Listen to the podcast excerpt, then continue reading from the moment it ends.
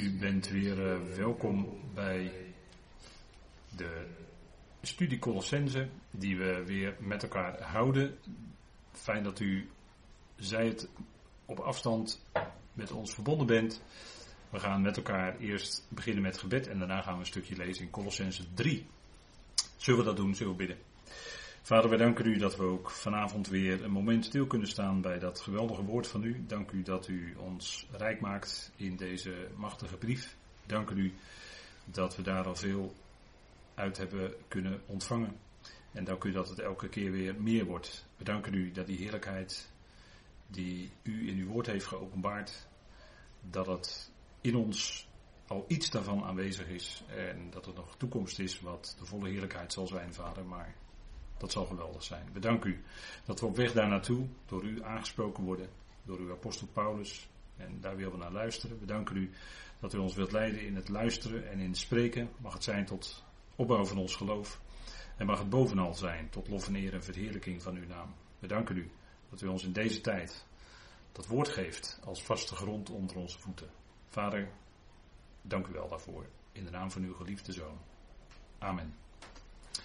Goed, we lezen met elkaar enkele versen en dat doen we vanaf vers 12 in Colossense 3. U kunt meelezen op de dia en anders leest u in uw concordante vertaling mee of in de andere vertaling. En er staat vanaf vers 12, doet dan aan als Gods uitverkorenen, heiligen en geliefden, medelijdend mededogen, mildheid, ootmoedige gezindheid, zachtmoedigheid, geduld. Elkaar verdragend en wederzijds genade schenkend. In geval iemand tegen iemand een klacht heeft, zoals ook de Heer jullie genade schenkt, zo ook jullie. Doet over dit alles echter de liefde aan, die de band van de rijpheid is, en laat de vrede van Christus, waartoe jullie ook in één lichaam geroepen werden, scheidsrechter zijn in jullie hart. En wordt dankbaar. Laat het woord van Christus rijkelijk in jullie inwonen, in alle wijsheid, jullie zelf onderwijzend en vermanend, psalmen, lofzangen en geestelijke liederen zingend, met dankbaarheid in jullie hart tot God. En al wat jullie maar doen, in woord of in werk, doet dit alles in de naam van de Heer Jezus Christus, God de Vader, dankend door Hem. Tot zover. En als we kijken in Colossense 3, dan gaat het over onze wandel, over ons gedrag. We hebben de vorige keer stilgestaan bij medelijden en mededogen. Met die geweldige woorden die onze wandel bespreken als zachtmoedigheid, geduld. En we willen vanavond stilstaan bij dat dertiende vers. Dat gaat over elkaar genade schenken. En daar valt best nog wel wat over te zeggen. Als gelovigen onderling heb je te maken met elkaar. En we zijn allemaal mens. En dat zeggen we dan ook wel eens tegen elkaar, ook als groep gelovigen onderling. We lijken soms net echt mensen. En dat is ook zo natuurlijk. Wat hebben we gezien in Colossense 3? En dat is natuurlijk een. Eigenlijk is dat een harmonie, zo'n brief. Uh, ja, ben je geneigd om in tweeën te lezen. Het eerste deel gaat over het onderwijs en het tweede deel over de praktijk. Maar als je wat meer inzoomt op de brief zelf, je gaat die echt goed aandachtig tot je nemen, dan kom je tot ontdekking dat in feite alles in elkaar grijpt. Dat zowel onderwijs als directe praktijk, dat het zo nauw met elkaar verweven is. Natuurlijk, eerst moet je een stukje onderwijs ontvangen, maar dat komt door je ogen en je oren en je hart. En vanuit je hart, zegt de spreukenschrijver in Spreuken 4, bekende tekst, vanuit het hart zijn de uitgangen van het leven. Hè? Dus je kunt, als je iemand observeert, kun je bij die persoon waarnemen wat in het hart is. En dat is natuurlijk waar het om draait. Hè? Dat woord komt in ons hart, dat wekt in ons geloof. En geloof heeft ook te maken met je hart. En je gedachtenleven heeft ook te maken met je hart. Je hart is het centrum, hè? zoals bij het mens de, het letterlijke hart het centrum is van waar het bloed doorheen gaat. En dan komt in alle delen van het lichaam terecht. Zo is het ook, en er wordt natuurlijk verreweg de meeste keren in de schrift het woord hart als beeldspraak gebruikt voor de kern, het wezen van de mens waaruit hij leeft. Colossense 3, dan hebben we gezien dat daarin Paulus duidelijk spreekt over wat ons gegeven is. En een van de eerste aanwijzingen is natuurlijk dat wij uh, bedacht zijn op wat boven is. Bedenken de dingen die boven zijn, waar Christus is. Gezeten aan Gods rechterhand. Dat zou onze denkrichting zijn. Daar is ons hart op gericht als gelovigen. En dat betekent dat we gericht zijn op de dingen die boven zijn. En dan zegt Paulus er ook bij in vers 1 en 2. Niet op wat op de aarde is. Om even voor alle duidelijkheid. En het punt is dat Paulus dan ons uh, door de geest geleid diverse aanwijzingen geeft. Allereerst, hè, als je let op de werkwoorden, ter dood brengen. Dan gaat het om de, zoals ik het hier op deze slide heb gezet, de kwade uitwassen. En wassen is natuurlijk groeien, hè. Kwade uitwassen van zielsvleeselijke begeerten. Hè, daar hebben we in, in uh, hoofdstuk 3, vers 5 uh, met elkaar bij stilgestaan. Breng dan ter dood jullie leden die op de aarde zijn. Hoerderij, onreinheid, hartstocht, kwade begeerte en de hebzucht.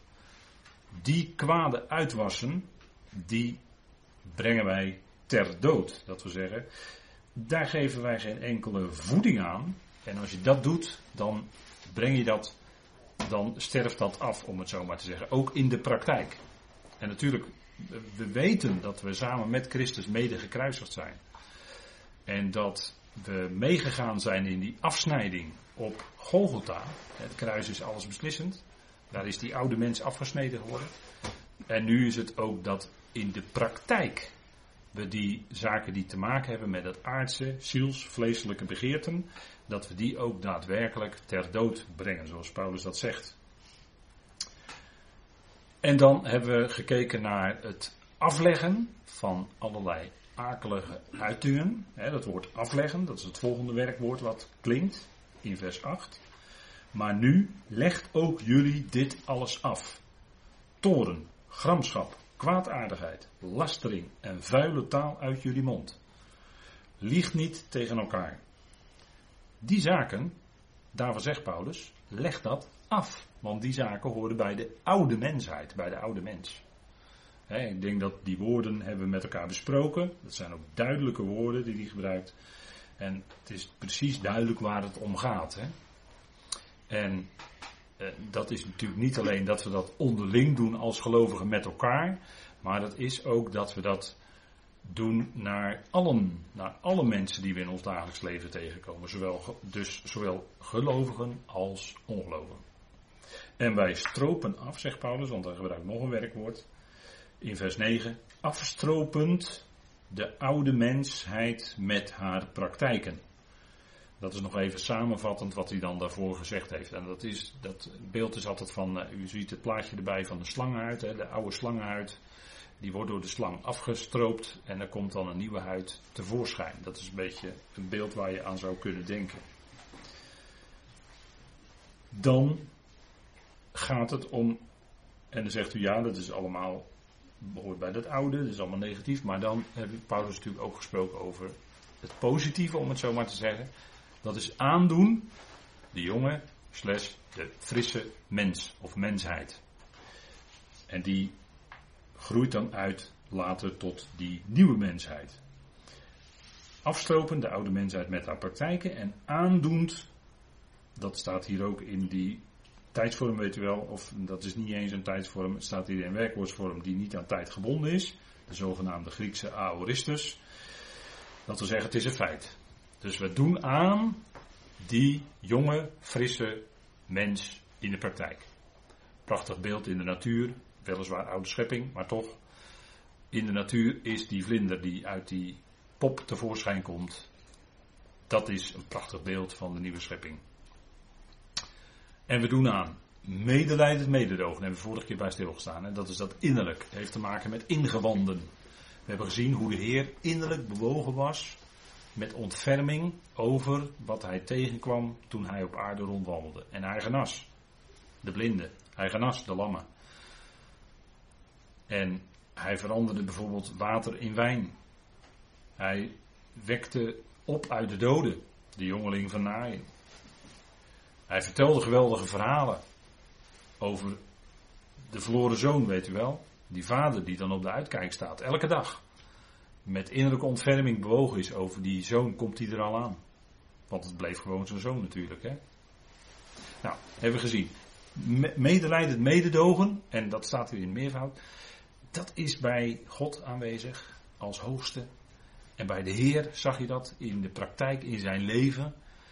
En we zien dat dan ook terug in mildheid. mildheid. We zien dat terug in ootmoedige gezindheid. We zien dat terug in zachtmoedigheid. En we zien dat terug in geduld. Met elkaar geduld hebben.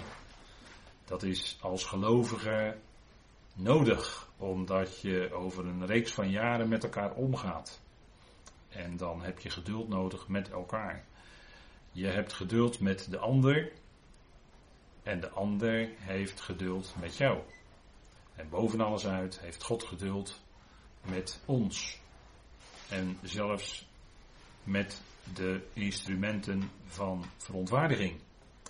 Hij draagt, staat in Romeinen 9, vers 22, met veel geduld, staat er zelfs bij, met veel geduld draagt God de instrumenten van verontwaardiging.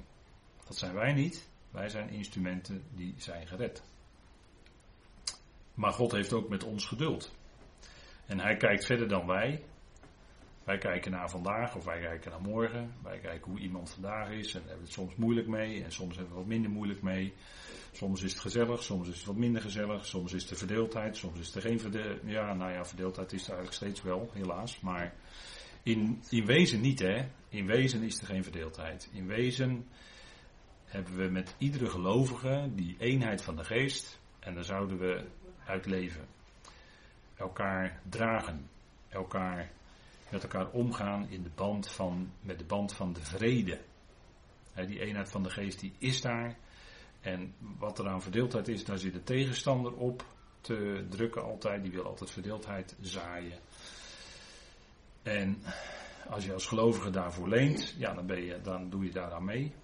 Maar dan ben je bezig vanuit je vlees. Want verdeeldheid zit altijd in het vlees. Dat zit niet in de geest. In de geest is de eenheid. Maar verdeeldheid zit in het vlees. Dus daar waar verdeeldheid is onder gelovigen, daar is het tegenwerken bezig.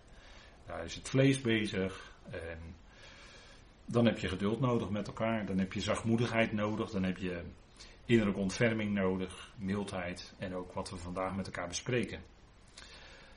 Want hoe ga je nou om met? Dat is altijd de vraag hè, die aan de, aan, in het dagelijks leven aan de filosoof gesteld wordt. Hoe ga je nou om met? Hoe ga je om met die ander? Hoe ga je om met het leven? Hoe ga je om met jezelf? Dat vraag je misschien wel aan de psycholoog. Hè? Als je op gesprek komt bij de psycholoog of niet, dat weet ik niet. Maar hoe ga je daarmee om? Kijk, mensen kunnen vermoeid zijn, medegelovigen. We hebben allemaal te maken met het leven. En in het leven hebben we dagelijks onze bezigheden. Die kunnen ons vermoeien. Andere mensen kunnen ons vermoeien. De dingen in de samenleving, in de maatschappij kunnen ons vermoeien. Enzovoort, enzovoort. En daarnaast kunnen we ook nog last hebben van lijden in ons leven. En het kan op drie niveaus zijn. Op geestelijk niveau, geestelijk lijden. Je kan lijden in je ziel. Je kan in je ziel bepaalde tekorten of gebreken of hoe dan ook dat maar ontstaan is, kan je hebben. En je kan ook lichamelijk lijden. Of een combinatie. Je kan ze ook alle drie hebben. En dat wees je natuurlijk niemand toe, maar het is wel zo, het doet zich voor. En dat is moeilijk. We lijden mee met die schepping. Die schepping die aan verval, aan verderf onderhevig is. En dat, merken wij ook in ons lichaam, want wij worden ook op de duur minder, worden ouder, gebreken enzovoort. En daardoor hebben we, te maken, we met elkaar dan te maken als gelovigen. En we staan in het leven en dat kan moeilijk zijn. Want het punt is, wat zegt Paulus in vers 13 van Colossens 3? Wat zegt hij daar? Elkaar verdragend en wederzijds genade schenkend, in geval iemand tegen iemand een klacht heeft. En dat kan zomaar gebeuren. Het kan zomaar gebeuren dat jij als gelovige een klacht hebt over iemand anders. Jij vindt dat iemand anders best wel blaam treft. En dat kan moeilijk zijn, want dat kan je dwars zitten. Je komt die gelovigen elke keer weer tegen in een Bijbelstudie of anderszins. En je gaat met elkaar om en ja, daar heb je het moeilijk mee. Als het goed is, denk ik dat je daar ook voor bidt, dat je er met de Heer over spreekt. Je kan tegen een ander een klacht hebben, dan kan je, je kan van een andere last hebben. Die ander is steeds zus en zo. En dat, dat schuurt, dat is vervelend. En het punt is dat Paulus hier spreekt over, ja, als je nou een klacht hebt tegen die ander, maar eerst zegt hij elkaar verdragend en wederzijds genade schenkend, dat is dan ons onderwerp vanavond, elkaar verdragen, elkaar genade schenken. Want het kan zomaar zijn dat iemand tegen iemand een klacht heeft. En dat kan ook nog volkomen terecht zijn. En dat komt omdat er allerlei invloeden zijn op gelovigen. Ik heb net geschetst, dat kunnen invloeden zijn gewoon van het leven of van dat we stervend zijn, lijden. Maar het kan natuurlijk ook zijn dat de tegenstander bezig is. Dat is die voortdurend natuurlijk, om ons uit elkaar te spelen, in geval iemand tegen iemand een klacht heeft. En hoe ga je dan om met bijvoorbeeld broeders en zusters, en daar hebben we ook net van gelezen met elkaar, die de eigen begeerte laten gaan. We hebben het gelezen in vers 5. Akelige dingen als hoerderij, onreinheid, hartstocht, kwade begeerte, hebzucht. Als je daar bij medegelovigen tegenaan loopt, dan kun je natuurlijk als gelovige afvragen, ja, hoe ga je daar nou mee om in de praktijk? Want het kan zelfs zo zijn, en het was bijvoorbeeld bij zo'n iemand in Korinthe aan de hand, u kent dat voorbeeld wel, 1 Korinthe 5, dat dat, de, dat, eh, de ecclesia, dus de, de lokale gemeente, doet dat schade aan, want de buitenwacht kan dan met, terecht met de vinger wijzen zeggen, nou moet je kijken hoe het daar gaat in die gemeente, moet je kijken wat die en die doet. Kan de buitenwacht, die kan dat nog gelijk hebben ook. Dat is tot oneer van de Heer. Iemand kan een levenswandel hebben, laat zich gaan in zielsvleeselijke begeerten. En dat is tot oneer van de Heer. Dat is, dat is het belangrijkste. Want eh, ja, van de, vanaf buitenaf kan men zeggen dat. En zo kan, kan zo iemand, of misschien zelfs ook meerdere, kunnen tot last zijn voor een medegelovige. En dan kun je zeggen, ja, tegen die persoon, ja, heb ik eigenlijk wel een klacht. In ieder geval iemand tegen iemand een klacht heeft. En dan kom je op een heel, dan kom je op moeilijke, moeilijke dingen uit. Moeilijke dingen waar je als gelovige mee worstelt. Want wat doe je daarmee? Wat doe je daarmee? Het kan, in meerdere of, uh, het kan meer of minder heftig zijn wat er gebeurt. Um, wat, wat doe je daar dan mee als gelovige? Neem je dan aanstoot daaraan? En, en uh, sommigen die, die nemen eh, om, om, laten we maar zeggen, als, als je dat wil, in gradaties wil aanbrengen, grotere en kleinere dingen, maar er zijn ook mensen die nemen aan hele kleine dingetjes al aanstoot. Laat staan als het wat groter is. Ga je dan terugtrekken van zo iemand? Is dat dan de op, oplossing? Of ga je als gelovige naar die persoon toe, ga je die eens even flink op de vinger stikken, met bijbeltekst in je hand? Of die persoon heeft jou wat aangedaan en ga je die dan met gelijke munt terugbetalen? Zo van even lekker lik op stuk geven? Of laat je het maar gaan en laat je iemand aan zichzelf over? Is dat dan de weg voor ons als gelovigen?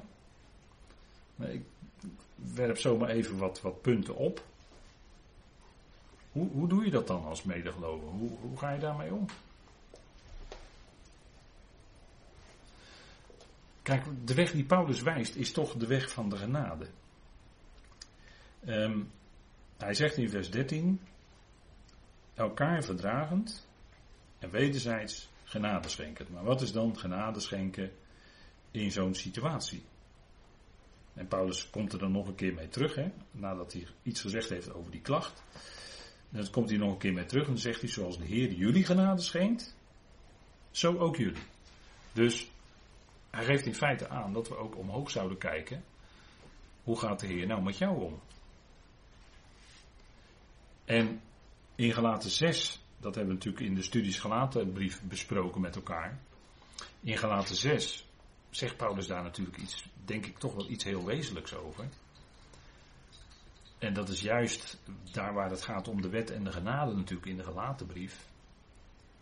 Broeders, zegt hij in Galaten 6, en, en denk erom, als hij dat woord broeders specifiek gebruikt, dan spreekt hij ernstig aan. Broeders, ook ingevallen mens wordt gegrepen door enige krenking, brengen jullie die geestelijk zijn, zo iemand terecht in een geest van zachtmoedigheid. Op jezelf lettend, opdat ook jij niet aangevochten wordt. Draagt elkaars lasten en vervult zo de wet van Christus. En als ik aan u vraag, wat is nou de wet van Christus? Dan zegt u, dat is de liefde. Ja, dat is de liefde, zeker. Want als we even teruggaan naar die vorige slide, die punten die ik daar noemde. Als je dat gaat doen, is dat nou een geestelijke reactie, waar Paulus het in gelaten 6 over heeft? Jullie die geestelijk zijn, Reageer je dan op deze manier? Neem je aanstoot? Ga je terugtrekken? Ga je op de vingers tikken? Gelijk terugbetalen als je zelf overlaat. Doe je dat dan als je geestelijk bent? Galaten 6, zegt Paulus, brengen jullie zo iemand terecht. Dus je laat die persoon niet links liggen. Je gaat die persoon niet negeren.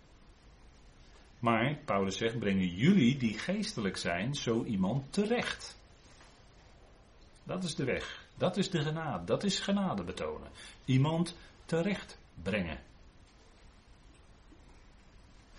In een geest van zachtmoedigheid. Want die ander heeft krenking, of misschien wel krenkingen begaan. En dan kan je heel makkelijk met je vingertje wijzen. Maar jij bent zelf net zo'n mens als die ander. Met andere woorden, uh, wie zegt dat jij niet ook Dus in de geest van zachtmoedigheid. Op jezelf lettend. Opdat ook jij niet aangevochten wordt. Paulus zegt het hè. Opdat ook jij niet aangevochten wordt. Dus ik denk dat we hierin een hele afgewogen geestelijke weg zien. De weg van de liefde, de weg van de genade die Paulus ons hier wijst. Die ons echt wijst op, kijk, dat is, als je Colossense 3 vers 13 wil invullen, is dat denk ik een invulling. Want wat kan er gebeuren als iemand een krenking begaan heeft of krenkingen begaat? Wat, je kan makkelijk iemand gaan veroordelen. En, en dat gebeurt dan in de praktijk, ook onder gelovigen, achter de rug van diegene om. En wat doe je dan? Dan ben je in feite bezig karaktermoord te plegen. En dat wil je natuurlijk niet. Want kijk, een van de kenmerken als gelovigen is, is dat we elkaar aanzien in Christus. En dat we elkaar lief hebben met die agape, die liefde van God. Want als je aan de ander genade schenkt, dan is die liefde van God actief bezig. Je schenkt die ander genade, je wil die ander terechtbrengen. En wat, je, wat, wat, hier, wat, wat dan hier gebeurt, hè, wat hier beschreven is, is juist het tegenovergestelde.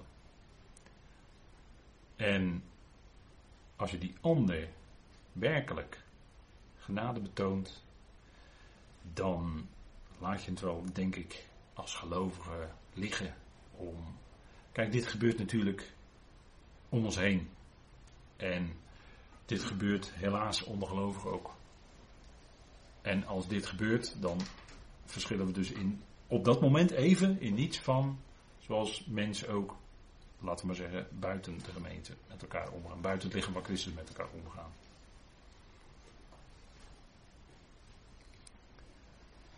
Kijk, het punt is dat als, als er echt iets ernstigs aan de hand is, als er echt meerdere gelovigen een klacht hebben over een medegelovige, dat kan gebeuren.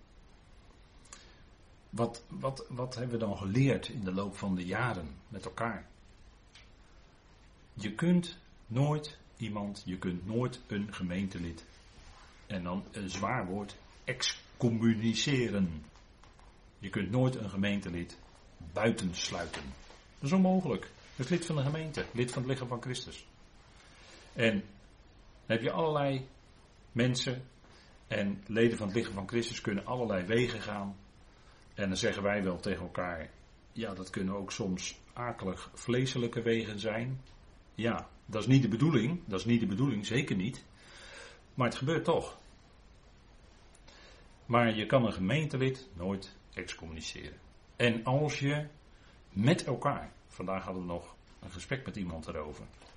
Maar als je met elkaar een openbare bijeenkomst houdt, hè, stel dat je daarvoor kiest om dat te doen, elke week of één keer per 14 dagen, als je een openbare bijeenkomst hebt, dan kun je niemand weigeren om binnen te komen. Als je het wel zou doen, dan, dan is het niet meer de genade. Iedereen komt die wil komen en die mag binnenkomen. Want wat is daar te horen op het podium? Het evangelie. En het evangelie is voor iedereen. En dat wil niet zeggen dat nu in deze tijd iedereen echt tot geloof komt of gelooft. Dat is wat anders. Maar het evangelie is een kracht van God tot redding. En gaat uit naar iedereen die het maar horen wil. Dus iedereen die in een openbare bijeenkomst wil komen, die kan komen. En dan kun je niet zeggen, je bent niet welkom. Want dat is contrair de verzoening. Dat is tegen de genade. Dat is tegen de liefde van God. Als je iemand gaat weigeren. En in specifieke situaties, als er echt meerdere gemeenten dat is echt zo'n situatie als in Korinthe was. Dan heb je een specifieke situatie. En dan gaat Paulus daar in zijn brief ook specifiek op in. Maar het is in deze tijd dan gelegen aan een eventuele voorstaander, voorstaanders, zoals we dat dan noemen. En eventueel ouderen of oudsten voorbehouden, daarin eventueel iets te doen. Maar dat vraagt veel gebed, dat vraagt veel wijsheid en het vraagt bovenal een geestelijke houding. Van Galaten 6, waar we het over hadden, vraagt een geestelijke houding van de medegelovigen en vol liefde. Om die ander, het doel moet altijd zijn om die ander terecht te brengen. Kijk, want oordelen kunnen we maar al te snel en, en daar zijn we heel erg goed in. Maar de heer Jezus die zei er al iets van tegen zijn volk. Laten we even met elkaar lezen. In Matthäus 7. En u ziet het ook hier op dat plaatje wel. Hè. Dat is een bekende, natuurlijk een hele bekende uitspraak geworden. Maar in Matthäus 7 staat, eh, vanaf vers 1. En in feite, nou laten we eerst maar eh, die vers lezen. Oordeel niet, opdat je niet geoordeeld wordt. Want met het oordeel waarmee jij oordeelt, zul je zelf geoordeeld worden. En met welke maat je meet, zal ook bij jou gemeten worden. Waarom zie je wel de splinter in het oog van je broeder, maar merk je de balk in je eigen oog niet op? Of, hoe zul je tegen je broeder zeggen, laat toe dat ik de splinter uit uw oog haal. En zie, er is een balk in uw oog. Huigelaar, haal eerst de balk uit uw oog en dan zult u goed kunnen zien om de splinter uit het oog van uw broeder weg te halen. Nou, even tot zover. En wat de Heer Jezus hier zegt, is natuurlijk een, een, uh, een andere toon dan de wet. Want de wet was een bediening van veroordeling. De wet zei, dit mag je niet, dat niet, dat niet. Doe je het wel, dan krijg je de doodstraf. Doe je het wel, dan gebeurt er dat. Doe je het wel, dan word je uit je volk gestoten. Doe je het wel, dan enzovoort. Hè? Dat was de wet. En men kon dus in de praktijk in Israël uh, snel klaarstaan met een oordeel op grond van de wet. En had men nog gelijk ook. Maar de Heer Jezus zegt hier, oordeel niet. Opdat jij niet geoordeeld wordt. En elkaar de maat nemen. Hè? Maar let op, als jij die ander die maat neemt, wees je wel bewust dat dat voor jou net zo geldt. En de balk en de splinter, dat is in de praktijk van het leven maar al te vaak waar. Want hè, dat is in de psychologie ook wel een bekend uh, verschijnsel. Dat wat jij bij die ander zo vaak, bij anderen zo vaak waarneemt, zou best kunnen zijn dat dat in jouw eigen leven levensgroot aanwezig is. En daarom neem je bij die ander zo scherp waar. Misschien wel. Zou zomaar kunnen. De, de, Paulus die zegt er ook iets van in Romeinen 2. Romeinen 2, dan ook even met elkaar opzoeken. Romeinen 2.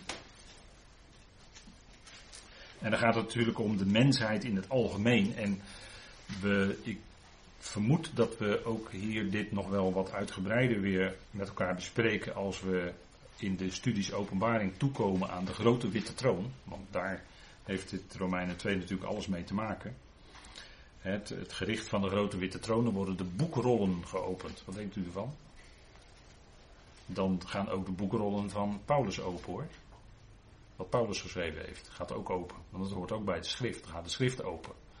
En dan worden de mensen gehouden, gezien en beoordeeld in het licht van de schrift. En dat is wat Paulus hier ook zegt. Daarom ben je niet te verontschuldigen, o mens, wie jij ook bent, die oordeelt. Want waarin je de ander oordeelt, veroordeel je jezelf. Jij immers die oordeelt, doet dezelfde dingen. En dat noemde ik net al even. Dat het in de psychologie dus een bekend verschijnsel is. Dat degene die anderen, uh, bij anderen zo goed weten aan te wijzen dat, hebben dat in hun eigen leven soms levensgroot aanwezig. Is dat aanwezig, hè? En dan zegt Paulus in vers 2: Wij weten dat het oordeel van God in overeenstemming is met de waarheid over hen die zulke dingen doen. Met waarheid komt licht en met licht komt ook waarheid. God is licht. Dat gaat natuurlijk fel schijnen op die grote witte troon. He. Er valt het licht op al die mensenlevens en dan blijkt er van alles natuurlijk. En ik heb u wel, denk ik ook misschien de vorige keer of in een andere studie gezegd. Dan komt men nergens meer mee weg. Nu kunnen politici met allerlei dingen wegkomen. Maar met de grote witte troon, dan komt niemand nog ergens meer mee weg. Dan zijn er geen uitvluchten. Dan zijn er geen coulissen. Dan zijn er geen gordijnen om je achter te verschuilen. Nee, dan sta je zelf als mens in het volle licht. En daarom zegt Paulus hier, daarom ben jij niet te verontschuldigen, o mens. Geldt voor iedereen die voor de grote witte troon komt. Maar het geldt voor ieder mens leven. Want het kan best zijn dat je tot geloof bent gekomen. En dat je pas daarna in het licht van de schrift werkelijk bent gaan zien wie je in jezelf bent. Dat is heel goed mogelijk. Want dan valt het licht van de schrift op al jouw eigenschappen, op, op jouw hele leven, op hoe jij bent, op wie jij bent, op wat je doet en wat je nalaat enzovoort. Dat gaat in het licht van de schrift allemaal heel scherp blijken.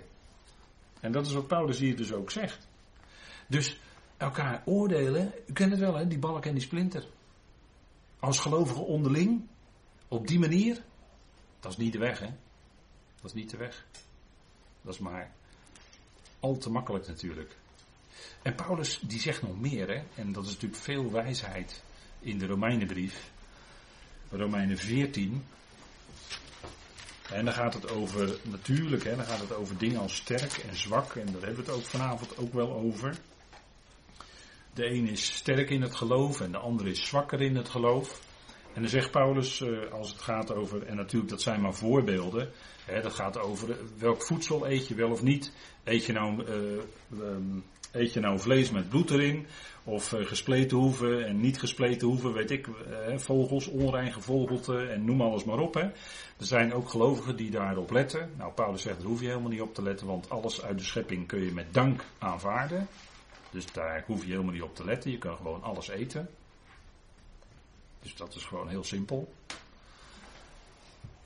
En het houden van dagen. Je kan natuurlijk zeggen, ja, ik zie de zondag toch als een vervanging van de Sabbat en de eerste dag van de week en uh, noem alles maar op. Dat is toch traditie en daar ben ik zo aan gehecht en dat doe ik dan toch maar. Paulus zegt ja, uh, wij achten alle dagen. De ene acht de ene dag boven de andere dag, maar wij achten alle dagen. En juist, nou dat zijn maar twee voorbeelden, maar dan kun je zo natuurlijk met een heleboel voorbeelden ondergelovigen waarover gediscussieerd wordt en soms eindeloos gediscussieerd wordt, kun je dat aanvullen. En dan zegt Paulus, kijk, en, en in die discussies, dan kan er ook iets ontstaan van dat je elkaar op grond daarvan, wat iemand wel of niet doet, gaat zitten oordelen. En dan zegt Paulus in Romeinen 14, vers 10, jij dan. Wat oordeel jij je broeder? Of ook jij, wat minacht jij je broeder? Kijk, die zwakkere, die is geneigd om die sterkere te oordelen.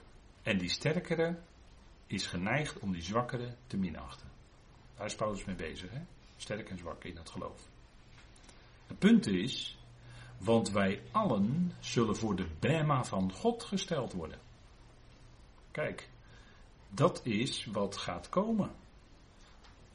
Als wij met de bazuin weggenomen zijn, als hele lichaam van Christus, dan, komen we, dan zijn we, staan we voor de bema en dan zijn we allemaal gelijk. Dan zijn we allemaal gelijk leden van het lichaam van Christus. Dat is wat Paulus hier zegt. En dan staan we bij de Bema, dat noemen we dan het erepodium. Dus wat zitten we dan? We, we, we zijn, we zijn uh, vaak zo nog bezig hier op aarde rond te kijken naar elkaar en, elkaar te beoordelen, dit en dat. Terwijl we dan vergeten, want we vergeten die dingen zo snel, dat straks dat moment van dat erepodium gaat komen. De Bema. Daar worden wij allemaal gesteld. Die zwakke en die sterke. Allemaal. En dat zijn allemaal leden van het lichaam van Christus. Die zwakke is net zo geliefd als die sterke door de Heer. Dat zijn allemaal leden. En zegt Paulus hier, wij zullen allen voor de Bema van God gesteld worden. En als we nog even verder lezen, want er staat geschreven, ik leef, zegt de Heer, voor mij zal elke knie zich buigen en elke tong zal God beleiden. Geweldige woorden uit Jesaja 45. Zo dan, zo zal dan nu ieder van ons voor zichzelf rekenschap geven aan God. Het gaat hier niet om verantwoordelijkheid, maar het gaat hier om rekenschap geven. Bekende Griekse woord logizomai. Dat heeft te maken met rekenen. Rekenschap geven aan God. Dus ieder van ons voor zichzelf, zegt Paulus. Ieder zal voor zichzelf rekenschap afgeven. Afleggen. Jij hoeft dat niet te doen voor die ander. Nee, jij legt voor jezelf bij die Bema rekenschap af. Daarom zegt Paulus in vers 13: Laten wij dan, is concluderend, hè, niet langer elkaar oordelen, maar oordeel liever dit: de broeder geen aanstoot of oorzaak tot struikelen te geven. Geen aanstoot of valstrik te zijn. Voor die broeder. Laten we zo bezig zijn. Beseffend dat ieder die broeder, die misschien in jouw ogen, of die zuster die in jouw ogen, die zal ook voor zichzelf rekenschap af, afleggen bij de Bema. En jij ook. Dus laten we dan wat minder elkaar oordelen en wat meer letten op, ja maar ik wil geen aanstoot zijn voor die ander. Ja maar ik wil geen valstrik zijn voor die ander. Dat is liefde. Dat is ook elkaar de ruimte geven, genade schenken. Dat hoort daar ook bij.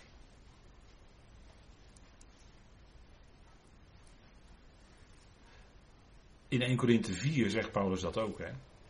Daar spreekt hij ook over de Bema. Dus hij komt er in echt in meerdere brieven op terug. En dit is echt niet een uitputtende opsomming, want in meerdere brieven spreekt hij daarover. Maar dit is ook een, een, een heel wezenlijke, denk ik. 1 Corinthië 4, vers 5. Daarom richt niets voor de era totdat de Heer komt. En dan mag je ook vertalen, zou komen. Totdat de Heer ja, dan staat er eigenlijk, als je het heel letterlijk zou willen vertalen, ook maar zou komen. Maar goed, dat wordt een beetje. Hè, maar het, het, punt is, er komt een punt in de tijd dat de Heer gaat komen. wanneer dat dan ook maar is. Maar Paulus zegt dan, richt niets voor de era. En dat is de era is dan het moment dat de Heer komt en wij allemaal bij die Bema of op die Bema zullen staan.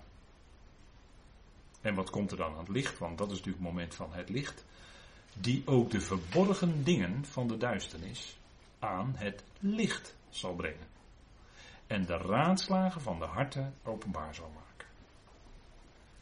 En dan, als je tot zover leest, dan denk je van nou, nou, dat is heel spannend. En dan komt er achteraan, en dan zal lofprijs komen voor een ieder vanuit God. Wat zegt Paulus hiermee? Wij kunnen elkaar maar tot op zekere hoogte waarnemen. Maar het hart, dat is bij God bekend.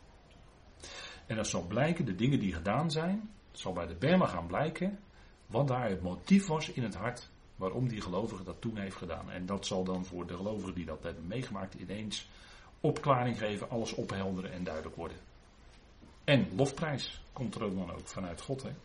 Dus die verborgen dingen, kijk, daar valt die lichtbundel. Hè? God, God is licht de Heer, hè, al wat openbaar maakt is licht. Dan gaat de Heer dus dat zijn licht erop laten vallen. En dan wordt het duidelijk. Dan worden de motieven van het hart duidelijk. Dat gaat bij de Bema ook gebeuren. En dan zullen we ook dat licht van God, wat dan komt, het licht van de Heer, wat dan komt, zullen wij ook kunnen verdragen. Waarom? Omdat wij dan in een verheerlijk lichaam zijn. Dan zijn we niet langer in dat vernederde lichaam waar we nu nog in zijn. Want dan zouden we dat niet kunnen verdragen. Maar dan zijn we in dat heerlijkheidslichaam, wat gelijkvormig gemaakt is aan zijn heerlijkheidslichaam. Dat zullen wij dan ook hebben.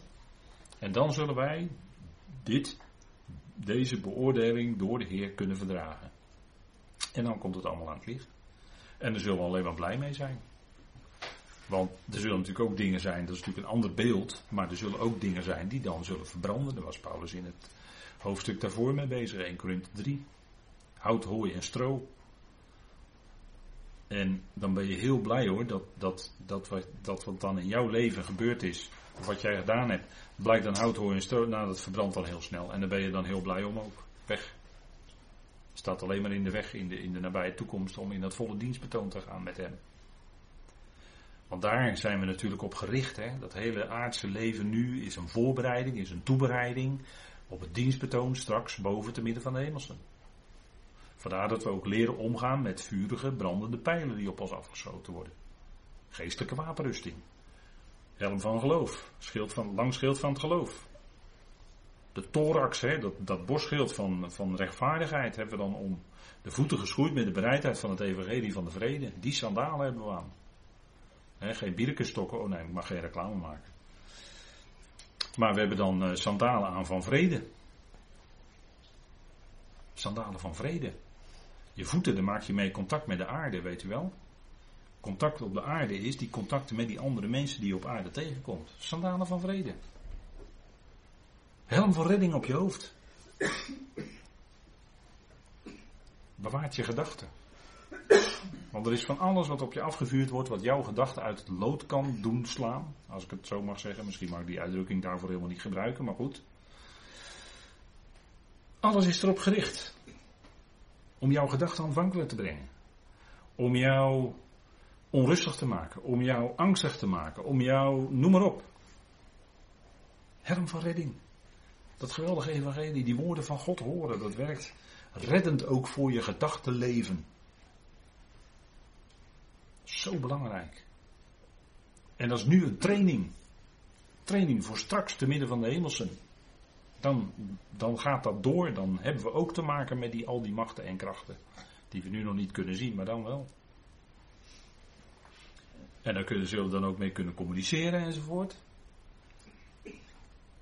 Hoe? Ja, dat doet God door zijn geest, dan zullen we dat kunnen. En nou, 1 Korinthe 4, vers 12 en 13.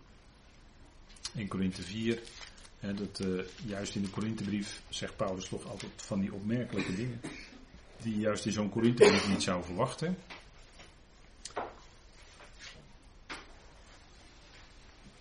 En dan laat Paulus ook iets van zijn houding zien wij spannen ons in, 1 Korinthe 4 vers 12, en wij spannen, ons in door, wij spannen ons in door met onze eigen handen te werken. Worden wij uitgescholden, wij zegenen.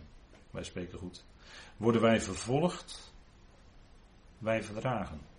Worden wij belasterd, wij bidden. Wij zijn geworden als het uitvaagsel van de wereld en het afschraapsel van allen tot nu toe het uitvaagsel van de wereld, afschrapsel. Dus het, het mindere, je wordt min geacht in de wereld omdat je gelooft. Word je, word je geminacht, word je als minderwaardig gezien. Of als iemand die niet goed bij het hoofd is. Dat soort dingen allemaal. Hè?